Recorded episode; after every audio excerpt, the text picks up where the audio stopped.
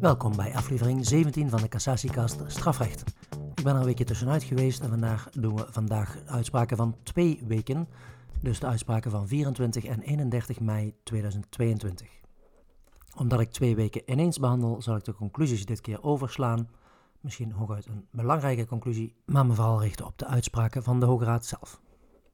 Ik ben Dirk Damen, cassatieadvocaat in strafzaken in Maastricht. Ik begin meteen met drie arresten in samenhangende zaken over de terugverwijzingsopdracht van de Hoge Raad.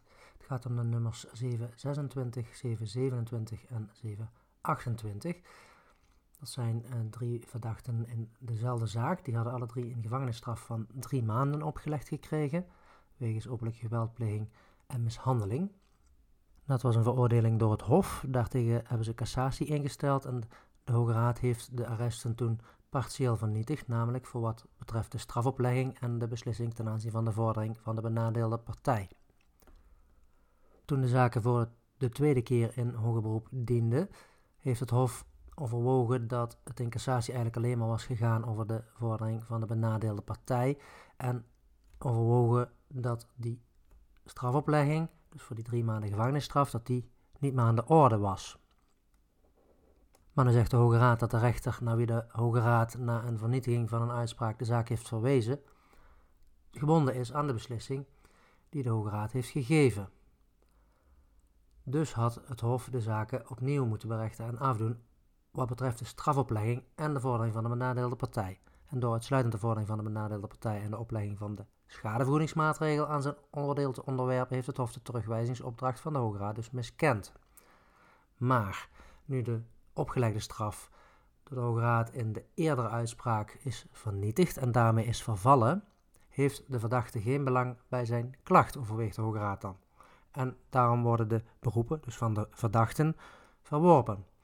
Maar dat heeft dus als consequentie dat ze alle drie niet die drie maanden gevangenisstraf hoeven ondergaan en dus ja, geen straf eigenlijk krijgen los van die toegewezen vordering benadeelde partij en opgelegde schadevoedingsmaatregelen. Arrest nummer 761 gaat over de ontvankelijkheid in het hoger beroep en het vereisten van de vertaling van de mededeling van de uitspraak. Het Hof had vastgesteld dat de verdachte de Nederlandse taal niet of onvoldoende beheerste en dat hem in persoon een mededeling uitspraak is uitgereikt, maar die mededeling was niet vertaald in een taal die de verdachte dus wel beheerst. De verdachte had te laat hoger beroep ingesteld en het oordeel van het Hof dat de overschrijding van de beroepstermijn niet verontschuldigbaar is, is niet zonder meer begrijpelijk volgens de Hoge Raad. Het Hof had nog meegewogen dat de uitspraak door de politie aan de verdachte is uitgereikt en dat daarbij was gezegd dat hij maar naar een advocaat moest gaan. Dat maakt dat niet anders, dat is niet, niet relevant. Dus wordt de zaak vernietigd en teruggewezen naar het Hof. Ook de zaak met nummer 716 gaat over de niet-ontvankelijke verklaring van de verdachte in het hoger beroep, omdat het te laat zou zijn ingesteld. Er werd geklaagd dat er een afschrift van de dagvaarding in hoger beroep naar het kantooradres van de advocaat moest worden verzonden, want dat was in de appelakte vermeld. De advocaat-generaal concludeerde echter al dat dat ook was gebeurd, dus dat de klacht feitelijke grondslag miste en de Hoge Raad verwerpt het beroep met 81 RO. Arrest nummer 799 gaat over het klachttermijnvereiste bij belaging. Er was het verweer gevoerd bij het Hof dat de klacht niet binnen de termijn van artikel 66 lid 1 strafrecht was ingediend en dat daarom het OM niet ontvankelijk moest worden verklaard in de vervolging. Daarop had het Hof slechts overwogen dat het overduidelijk is dat het slachtoffer vervolging wenst maar daarmee is de verwerping van het verweer ontoereikend gemotiveerd, want het Hof heeft geen vaststellingen gedaan waaruit kan volgen dat aan het klachtvereiste is voldaan, bijvoorbeeld doordat al eerder de wens tot vervolging was geuit. En dus je hoeft niet volgens de vaste rechtspraak van de Hoge Raad een klacht in te dienen binnen drie maanden die aan alle vereisten voldoet, maar ja, op zijn minst moet er wel binnen die drie maanden na het uh, feit of nadat dat bekend is geworden de wens te kennen gegeven zijn op enige wijze tot vervolging. Ja, daar had het Hof dus niks over vastgesteld, dus dan mag het Hof opnieuw naar gaan kijken. De arresten met de nummers 802 en 803 zijn samenhangende zaken in die zin dat de ene de strafzaak is en de andere de ontnemingszaak tegen dezelfde verdachte. De strafzaak nummer 802, daar wordt het beroep in verworpen met toepassing van artikel 81 RO. Daarin waren onder meer klachten ingediend over verweren die betrekking hadden op de vermeende inzet van een burgerinfiltrant, een criminele burgerinfiltrant die de verdachte dan tot het plegen van strafbare feiten had aangezet. Het Hof had overwogen dat er nog geen begin van aannemelijkheid was dat van inderdaad sprake was. En daar blijft dus incassatie in stand. In de ontnemingszaak gaat het om de toepassing van de methode van een eenvoudige kasopstelling. En was door het Hof met name mede gewogen dat de betrokkenen, dus de veroordeelde, een economische eenheid met zijn partner vormde. Daardoor werd ook allerlei voordeel wat de partner zou hebben verkregen, wat niet op andere wijze verklaard kan worden, aan hem toegerekend. De conclusie van de advocaat-generaal luidde al dat dat middel terecht is voorgesteld, dat het Hof dat onvoldoende had gemotiveerd, dat er inderdaad dus sprake was van een economische eenheid. Uit het financieel rapport dat als bewijsmiddel was gebezigd, kan wel worden afgeleid dat de betrokkenen regelmatig bij zijn partner verbleef, maar daaruit kan niet worden afgeleid dat zij een gezamenlijke financiële huishouding voerden en uit de bewijsmiddelen blijken zelfs aanwijzingen voor het tegendeel. Ze stonden namelijk niet op hetzelfde adres ingeschreven en hadden ook geen gezamenlijke bankrekeningen. Dus daar moet het Hof ook opnieuw naar kijken. In het arrest met nummer 756 gaat het om beleggingsfraude en waren zowel oplichting als verduistering bewezen verklaard ten aanzien van dezelfde bedragen. Maar dan gaat het bij verduistering erom dat het goed anders dan door misdrijf onder zich wordt gehouden door de verdachte. En dat is dus niet verenigbaar met het oordeel dat hij dat door oplichting onder zich heeft gekregen. Want dan heb je dus wel door misdrijf onder je. Dus in dat opzicht is er inderdaad een innerlijke tegenstrijdigheid, ook volgens de Hoge Raad. Maar daar past de Hoge Raad zelf een, een mouw aan door de verdachte vrij te spreken van de verduistering en de kwalificatie ook aan te passen en te overwegen dat de verdachte verder onvoldoende belang heeft bij verdere vernietiging van de uitspraak. Want de ernst van wat verder nog aan bewezen verklaring overblijft, wordt niet aangetast want het Hof is uitgegaan van een voortgezette handeling van oplichting en verduistering, artikel 56 lid 1 strafrecht. Dus wordt het bestreden arrest wel deels vernietigd, maar wordt er niet teruggewezen en ja, wordt de straf dus ook niet aangepast. Dus heeft de verdachte weinig voordeel gehad van deze Pyrrhusoverwinning. Uitspraak 762 gaat over brandstichtingen, althans pogingen naartoe. En dat was wel opvallend. Het ging om een vijftal brandstichtingen dan wel pogingen daartoe. In een tijdsbestek van minder dan een uur in een straal van 190 meter rondom de woning van de verdachte. Dus die was lekker bezig geweest. En wat met name interessant is, wat de Hoge Raad ook overwegingen aan wijdt, is van ja, is er nou sprake geweest van een poging, strafbare poging tot brandstichting? Zijn daarvoor vereist de waarneming van vuur, een beschadiging of een brandspoor? Het ging er in deze zaak om, volgens de vaststellingen van het Hof, dat de verbalisanten de verdachte hadden aangetroffen op een donkere plek direct naast een auto. Dat hij op dat moment een gasbrander onder de auto gooide en de verbalisanten ook een sterke, penetrante gaslucht rondom de auto en verdachte roken. Dat alles was wel, volgens de Hoge Raad, ook voldoende om een begin van uitvoering te markeren. Uit de door het Hof gedane vaststellingen volgt dat op het moment van de ontdekking de voltooiing van het door de verdachte voorgenomen delict, dus de brandstichting, al nabij was, ook al werd er nog geen vuurbeschadiging of brandspoor waargenomen. Dus het beroep wordt verworpen. Zaak 755 ziet op een noodweerverweer en een daaraan gekoppelde bewijsklacht. De verdachte zou zijn zus hebben mishandeld door die in haar woning in haar gezicht te slaan, had zich beroepen op noodweer. Hij zegt van ja, ze kwam met een accu-schroefmachientje op mij af. Maar de advocaat-generaal constateerde uit het arrest dat volgens het Hof dat niet de aanleiding was geweest voor het conflict, maar het feit dat de verdachte zijn zus de woning introk. En dat er dus geen wederrechtelijke aanranding vanuit de zus was geweest. Dus wat dat betreft vond de advocaat-generaal dat de klacht feitelijke grondslag ontbeerde en ook de Hoge Raad was het daar mee eens kennelijk. Die past in ieder geval 81 euro toe. Zaak 753 gaat over belaging.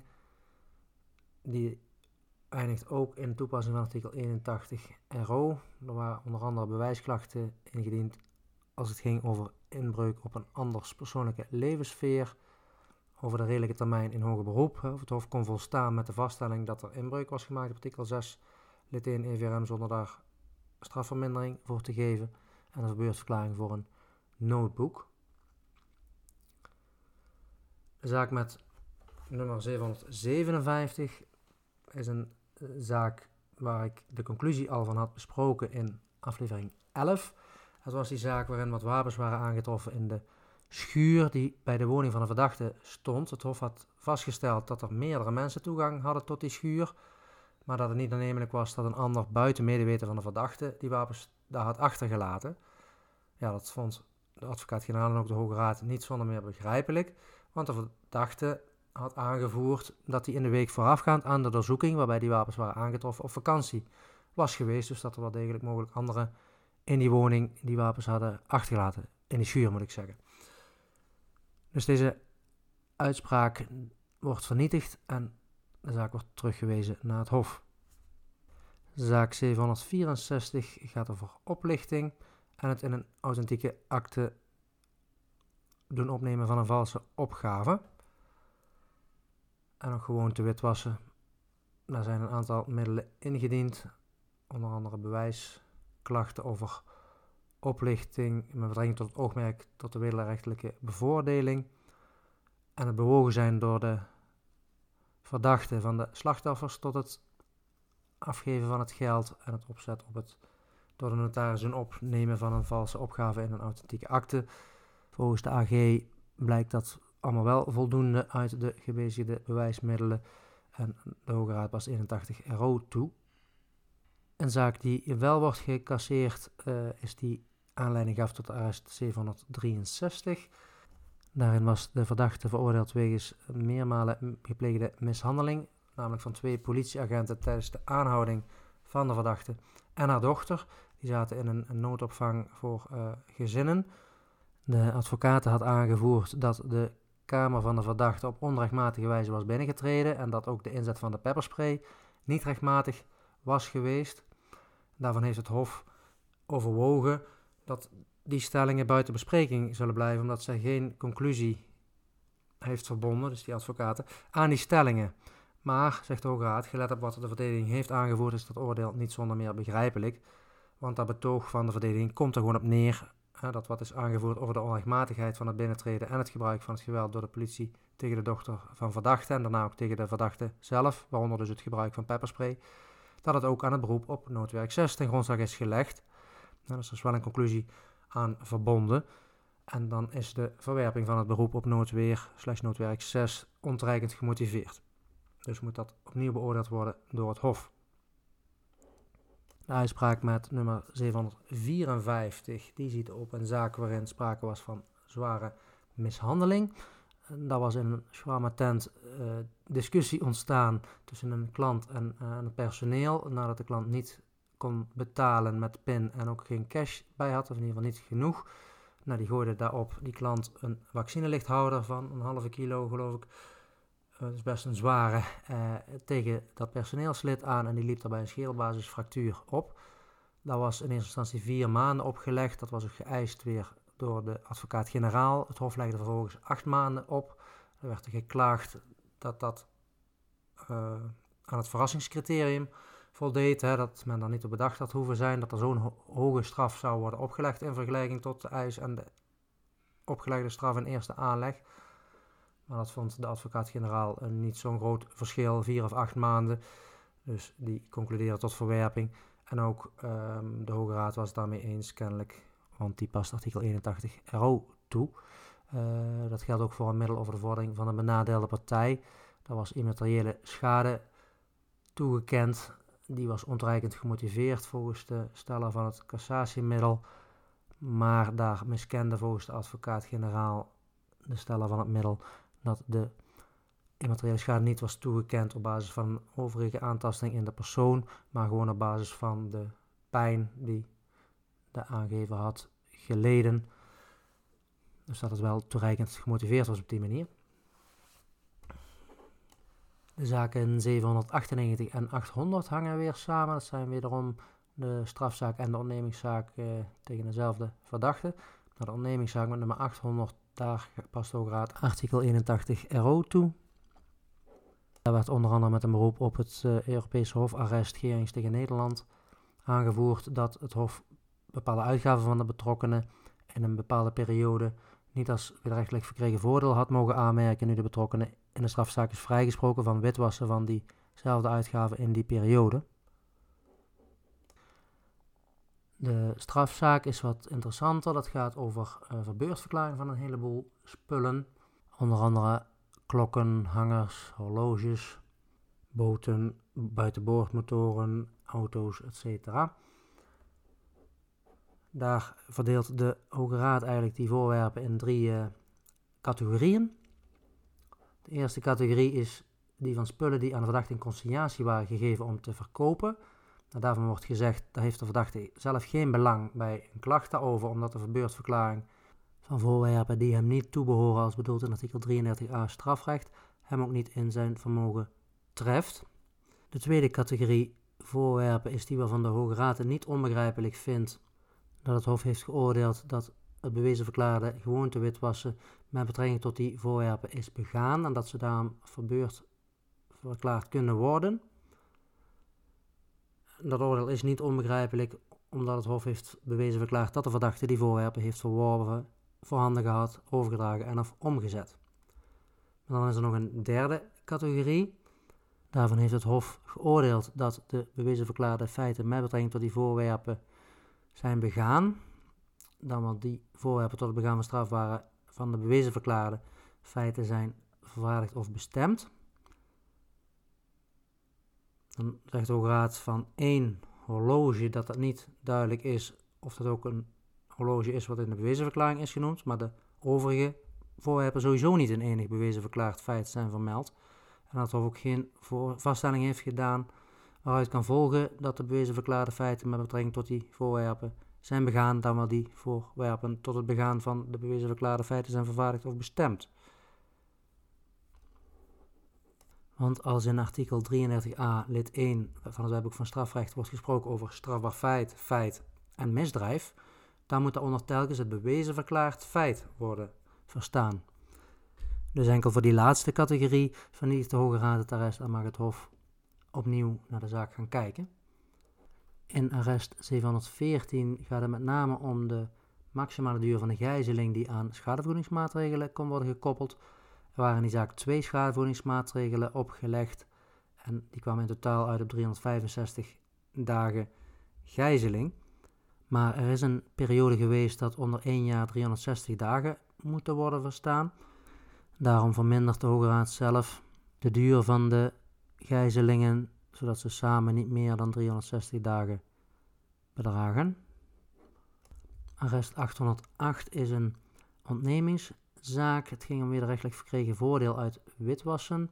Daar was de methode van de eenvoudige kasopstelling gebruikt en staat met name centraal of in de strafzaak reeds verbeurd verklaarde voorwerpen. In dit geval waren dat auto's en geldbedragen, toch al voor een behoorlijk bedrag. Of die in mindering moeten worden gebracht op de betalingsverplichting. En met name is dan de vraag of in die strafzaak, dus waarin die onderneming is uitgesproken, de uitspraak dan ook onherroepelijk moet zijn of niet. In dit geval was destijds de uitspraak in de strafzaak nog niet onherroepelijk, maar ten tijde van het wijzen van het arrest door de Hoge Raad. Wel omdat de Hoge Raad het cassatieberoep in die strafzaak niet ontvankelijk heeft verklaard met toepassing van artikel 80 ARO. Dus heeft in deze zaak het OM geen belang meer bij de ingediende klacht. Maar de Hoge Raad merkt wel op, onder verwijzing naar een arrest uit 2016, dat door verbeurtverklaring van voorwerpen die kunnen worden aangemerkt als opbrengst van een strafbaar feit, kan worden bereikt dat aan de veroordeelde wederrechtelijk verkregen voordeel wordt ontnomen. Wordt dan ook nog een ontnemingsmaatregel opgelegd, dan dient dus in verband met het reparatoren karakter van die maatregel de waarde van het onder de betrokkenen in beslag genomen en in zijn strafzaak verbeurd verklaarde voorwerp in mindering te worden gebracht op de aan de betrokkenen op te leggen betalingsverplichting. Is die verbeurdverklaring ten tijde van de uitspraak in de ontnemingszaak echter nog niet onherroepelijk, dan kan de ontnemingsrechter de waarde van de verbeurd verklaarde voorwerpen in mindering brengen, maar de ontnemingsrechter is daartoe niet verplicht. Als je de waarde niet in mindering brengt, omdat de verbeurdverklaring nog niet onherroepelijk is, dan kan de betrokkenen wel nadien, als de uitspraak van die verbeurdverklaring wel onherroepelijk is geworden, wel nog een verzoek doen als bedoeld in artikel 6626 lid 1 van het wetboek van strafvordering. Dus kan er een aparte procedure zeg maar, worden opgestart om alsnog die waarde afgetrokken te krijgen. En dat kan de moeite waard zijn. Bijvoorbeeld in deze zaak was het voordeel geschat op 638.000 euro, maar werd er maar een betalingsverplichting opgelegd van 315.000 euro, nadat dus de in de strafzaak verbeurd verklaarde auto's en geldbedragen, de waarde daarvan daarop in mindering waren gebracht. Dus dat scheelde nogal een slok op een borrel, de helft zo ongeveer. Het arrest met nummer 715 is een arrest in een zaak van mijzelf. Daar werd gecasseerd omdat er een tegenstrijdigheid zat in de uitspraak van het Hof als het ging om de compensatie voor de overschrijding van de redelijke termijn. Het Hof had overwogen dat de overschrijding van de redelijke termijn in eerste aanleg zou compenseren door 10% van het geschatte voordeel. En dat was toch een bedrag van 53.000 euro ruim in mindering te brengen op de betalingsverplichting. Maar in het dictum wordt vervolgens maar 5000 euro in mindering gebracht. En de uitspraak geeft geen uitsluitsel over ja, wat nu de juiste door het Hof voorgestaande mate van compensatie is geweest. Dus kan de uitspraak voor wat betreft de opgelegde betalingsverplichting niet in stand blijven. En wordt de uitspraak in zoverre vernietigd en wordt de zaak teruggewezen. Er kan nog twee andere middelen ingediend, ook over de betalingsverplichting. Onder andere over de overschrijding van de redelijke termijn in hoger beroep. En over de redelijke termijn bij de betekening van de verstekmededeling. En die middel heeft de Raad onbesproken gelaten. Dus dat kan dadelijk weer aan de orde komen als de zaak opnieuw door het moet worden behandeld. Ook de samenhangende zaken met nummers 804 en 805 zijn zaken uit mijn praktijk. Die hebben niet tot een vernietiging geleid, helaas, maar tot toepassing van artikel 81 RO, in ieder geval in de ene zaak. Dat betrof de strafzaak. Daar was geklaagd over de verwerping van het verweer dat de wederrechtelijkheid ontbrak. Als ging die oplichting, omdat aan de afgifte van de geldbedragen telkens ook een door de respectievelijke aangevers ondertekende civielrechtelijke overeenkomst ten grondslag lag. Nou, dat werd met 81 RO verworpen. 805 is de samenhangende ontnemingszaak. Daar is wel een succesje behaald, want het Hof had met betrekking tot de opgelegde ontnemingsmaatregel de duur van de gijzeling, die ten hoogste kan worden gevorderd, bepaald op 1095 dagen. Maar op grond van artikel 36 E lid 11 strafrecht bepaalt de rechter bij de oplegging van de ontnemingsmaatregel de duur van de gijzeling die met toepassing van artikel 6625 ten hoogste kan worden gevorderd, maar die beloopt ten hoogste drie jaar en daar moet in deze zaak onder worden verstaan drie keer 360 dagen. Nou, het Hof had dat dus overschreden, maar dat heeft de Hoge Raad zelf opgelost zelf de duur van de gijzeling die ten hoogste kan worden gevorderd te verminderen. Dus de zaak gaat in ieder geval niet terug naar het Hof. Zaak met nummer 811 is dan ook een ondernemingszaak over het voordeel wat verkregen zou zijn uit de verkoop van bolletjes cocaïne. Dat was een kostenverweer gevoerd en had het Hof niet in mindering gebracht de kosten die zijn gemaakt voor in beslag genomen bolletjes cocaïne. Daar past de Hoge Raad 81 euro toe. Dan nog twee uitspraken uit eigen praktijk, ook twee samenhangende zaken de hoofdzaak en de ondernemingszaak als het gaat om een hennepkwekerij. Daarin komt de Hoge Raad tot toepassing van artikel 81 RO in beide zaken. Dat was eigenlijk hetzelfde verweer gevoerd in beide zaken, ook hetzelfde cassatiemiddel min of meer. Er was namelijk aangevoerd dat de woning, die stond op naam van de verdachte, mijn cliënt, dat er iemand anders een hennepplantage had opgezet, een hennep had geteeld. De cliënt dat vervolgens had ontdekt, maar dat hij vervolgens zelf op een veel kleinschaliger basis door was gegaan met die kwekerij. Maar hij werd toch aangeslagen voor de volledige hoeveelheid planten die er ooit hadden gestaan volgens de telling van de lege potjes. En dat was een verschil van 208 ten opzichte van 22 henneplanten. Dus uh, ja, bijna factor 10 verschil. Wat natuurlijk ook in een ondernemingszaak uh, flink verschil maakte met betrekking tot de betalingsverplichting die aan de cliënt werd uh, opgelegd. Wat mij daarbij in het oog sprong was een foto in het dossier van het aantreffen van die hennepplantage, waarin je dus inderdaad ook zag dat er maar 22 potjes bij elkaar stonden met, uh, met twee lampjes erboven. En dat die andere potjes eigenlijk aan de zijlijn stonden, die werden niet gebruikt kennelijk.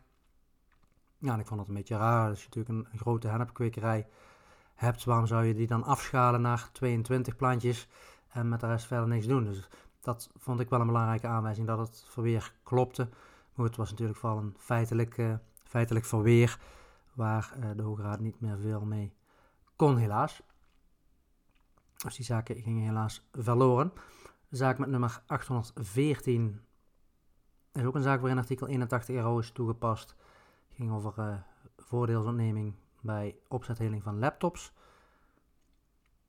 Het Hof had geoordeeld dat de betrokkenen niet aannemelijk gemaakt had, dat hij bepaalde kosten had gemaakt. En mm, dat blijft dus in stand. In arrest 807 mag het Hof wel opnieuw naar de zaak kijken, wel alleen maar naar de strafoplegging. En dan gaat het om het bezit en het vervaardigen van kinderporno. Daar had het Hof een bijzondere voorwaarde opgelegd en gaat het met name om de uitleg van de categorie bijzondere voorwaarden die het gedrag van de veroordeelde betreffen. Het Hof had hier een voorwaarde opgelegd die meebracht dat de veroordeelde eigenlijk overal aan mee moest werken, aan alle controles van de politie ten alle tijden, ook om zijn, al zijn gegevensdragers te kunnen controleren. Maar er was niet in de voorwaarden aangegeven op welke wijze de controles van die gegevensdragers mochten worden uitgevoerd en hoe is gewaarborgd dat de persoonlijke levenssfeer van de verdachte daarbij niet verdergaand zou worden beperkt dan nodig is voor het beoogde toezicht. Dat is ook al in eerdere zaken uh, geoordeeld door de Hoge Raad, uh, bijvoorbeeld in 2020 1215 en 2015 2981. Dus hier was een, een ja, voorwaarde opgelegd die veel verder gaat dan de wet eigenlijk toestaat en daardoor wordt die vernietigd door de Hoge Raad. Tot slot, als het gaat om de arresten, een herzieningszaak, nummer 758. Het ging om een poging tot doodslag.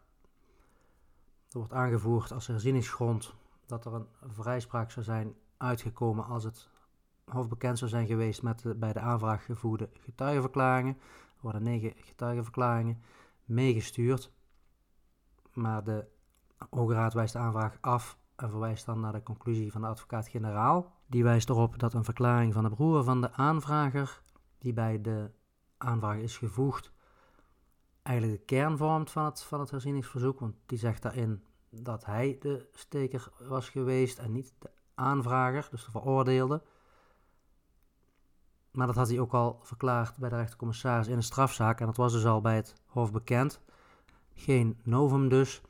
Ja, en de andere getuigenverklaringen die bij de aanvraag zijn gevoegd, die komen er ook op neer dat de broer van de aanvrager heeft bekend dat hij het slachtoffer heeft gestoken. En die zijn dan ook van onvoldoende gewicht om echt een novum uh, op te leveren. Dus die zaak gaat uh, niet herzien worden. Dan heb ik nog een aantal beschikkingen van de Hoge Raad voor je van 24 en 31 mei 2022. De eerste is 759. Dat leidt tot toepassing van artikel 81 RO. Het ging om geldbedrag van 143.000 euro, wat in beslag was genomen op grond van artikel 94, strafvordering. Er werd in de eerste plaats geklaagd over schriftelijke afdoening van het klaagschrift zonder openbare behandeling in verband met coronamaatregelen.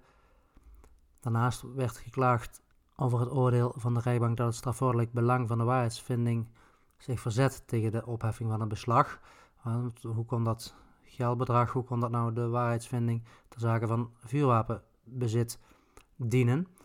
Maar daarnaast, zegt de advocaat-generaal, had de rechtbank nog een andere grond aan het beslag ten grondslag gelegd. Namelijk ook dat het niet hoogst onwaarschijnlijk is dat de strafrechter de verbeurdverklaring van het in beslag genomen geld zal bevelen. Nou, die, die tweede grond kan ook zelfstandig dan een beslag dragen.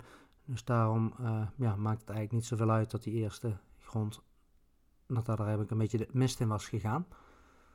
In de beschikkingen met nummers 678 en 688 gaat de Hoge Raad in een OM-cassatiezaak in op de vraag of Instagram-accounts of die een voor verbeurdverklaring vatbaar voorwerp zijn, dus of die ook in beslag kunnen worden genomen. En de rechtbank had geoordeeld dat dat niet het geval was, ook onder verwijzing naar wat in het burgerlijk wetboek uh, als voorwerp geldt.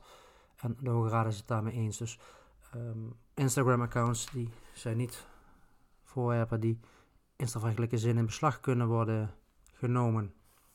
In de beschikking met nummer 760 heeft de Hoge Raad overwegingen gegeven over de vraag wanneer buitenlandse advocaten die werkzaam zijn in dienstbetrekking bij een bedrijf, zogenaamde in-house counsels, zich op een verschoningsrecht kunnen beroepen. Daarbij maakt de Hoge Raad dan onderscheid in een aantal categorieën van advocaten. Maar de gemene deler daarbij is toch wel dat in ieder geval moet zijn voldaan aan de waarborging, aan voldoende garanties voor een onafhankelijke praktijkuitvoering en een ongestoorde naleving van de beroeps- en praktijkregels.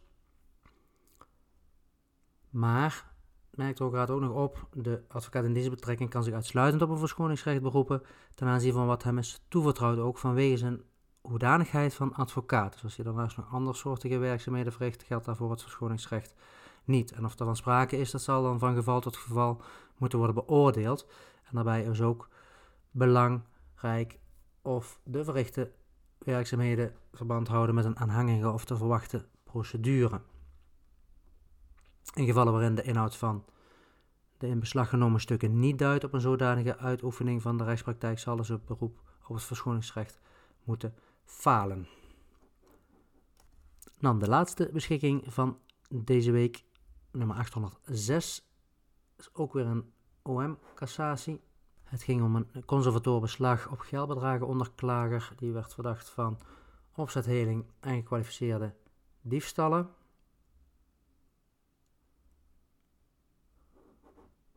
Is conservatorbeslag op grond van artikel 94 AL 2 strafvordering alleen maar mogelijk als er sprake is van een verdenking van een misdrijf waarvoor een geldboete van de vijfde categorie kan worden opgelegd. Maar, maakt de Hoge Raad hier duidelijk, het is niet vereist dat dan ook de ontnemingsvordering wordt gebaseerd op dat feit waarvoor een geldboete van de vijfde categorie kan worden opgelegd. In dit geval waren dus die, die gekwalificeerde diefstallen waarvoor geen geldboete van de vijfde categorie kan worden opgelegd, eigenlijk de grondslag hè, waar, waarop het voordeel werd berekend, waar het voordeel mee zou zijn verkregen. En ging er dus niet zozeer om de opzetheling, waarvoor dus wel een categorie 5 boete kan worden opgelegd. Maar dat maakt volgens de Hoge Raad dus niet uit. Als er maar sprake is van een verdenking van een geldboete van categorie 5, dan kan er ook conservatorbeslag worden gelegd op de opbrengsten van andere feiten die ook zijn uh, begaan, waarvoor geen geldboete van de vijfde categorie kan worden opgelegd. Dus daar moet de rechtbank opnieuw naar gaan kijken. Dat was het weer voor deze week. Ik ben al een aardig eindje gevorderd in de tijd, dus het bespreken van conclusies doe ik deze keer niet. Volgende keer hopelijk wel weer. Bedankt weer voor het luisteren deze week en graag tot volgende week.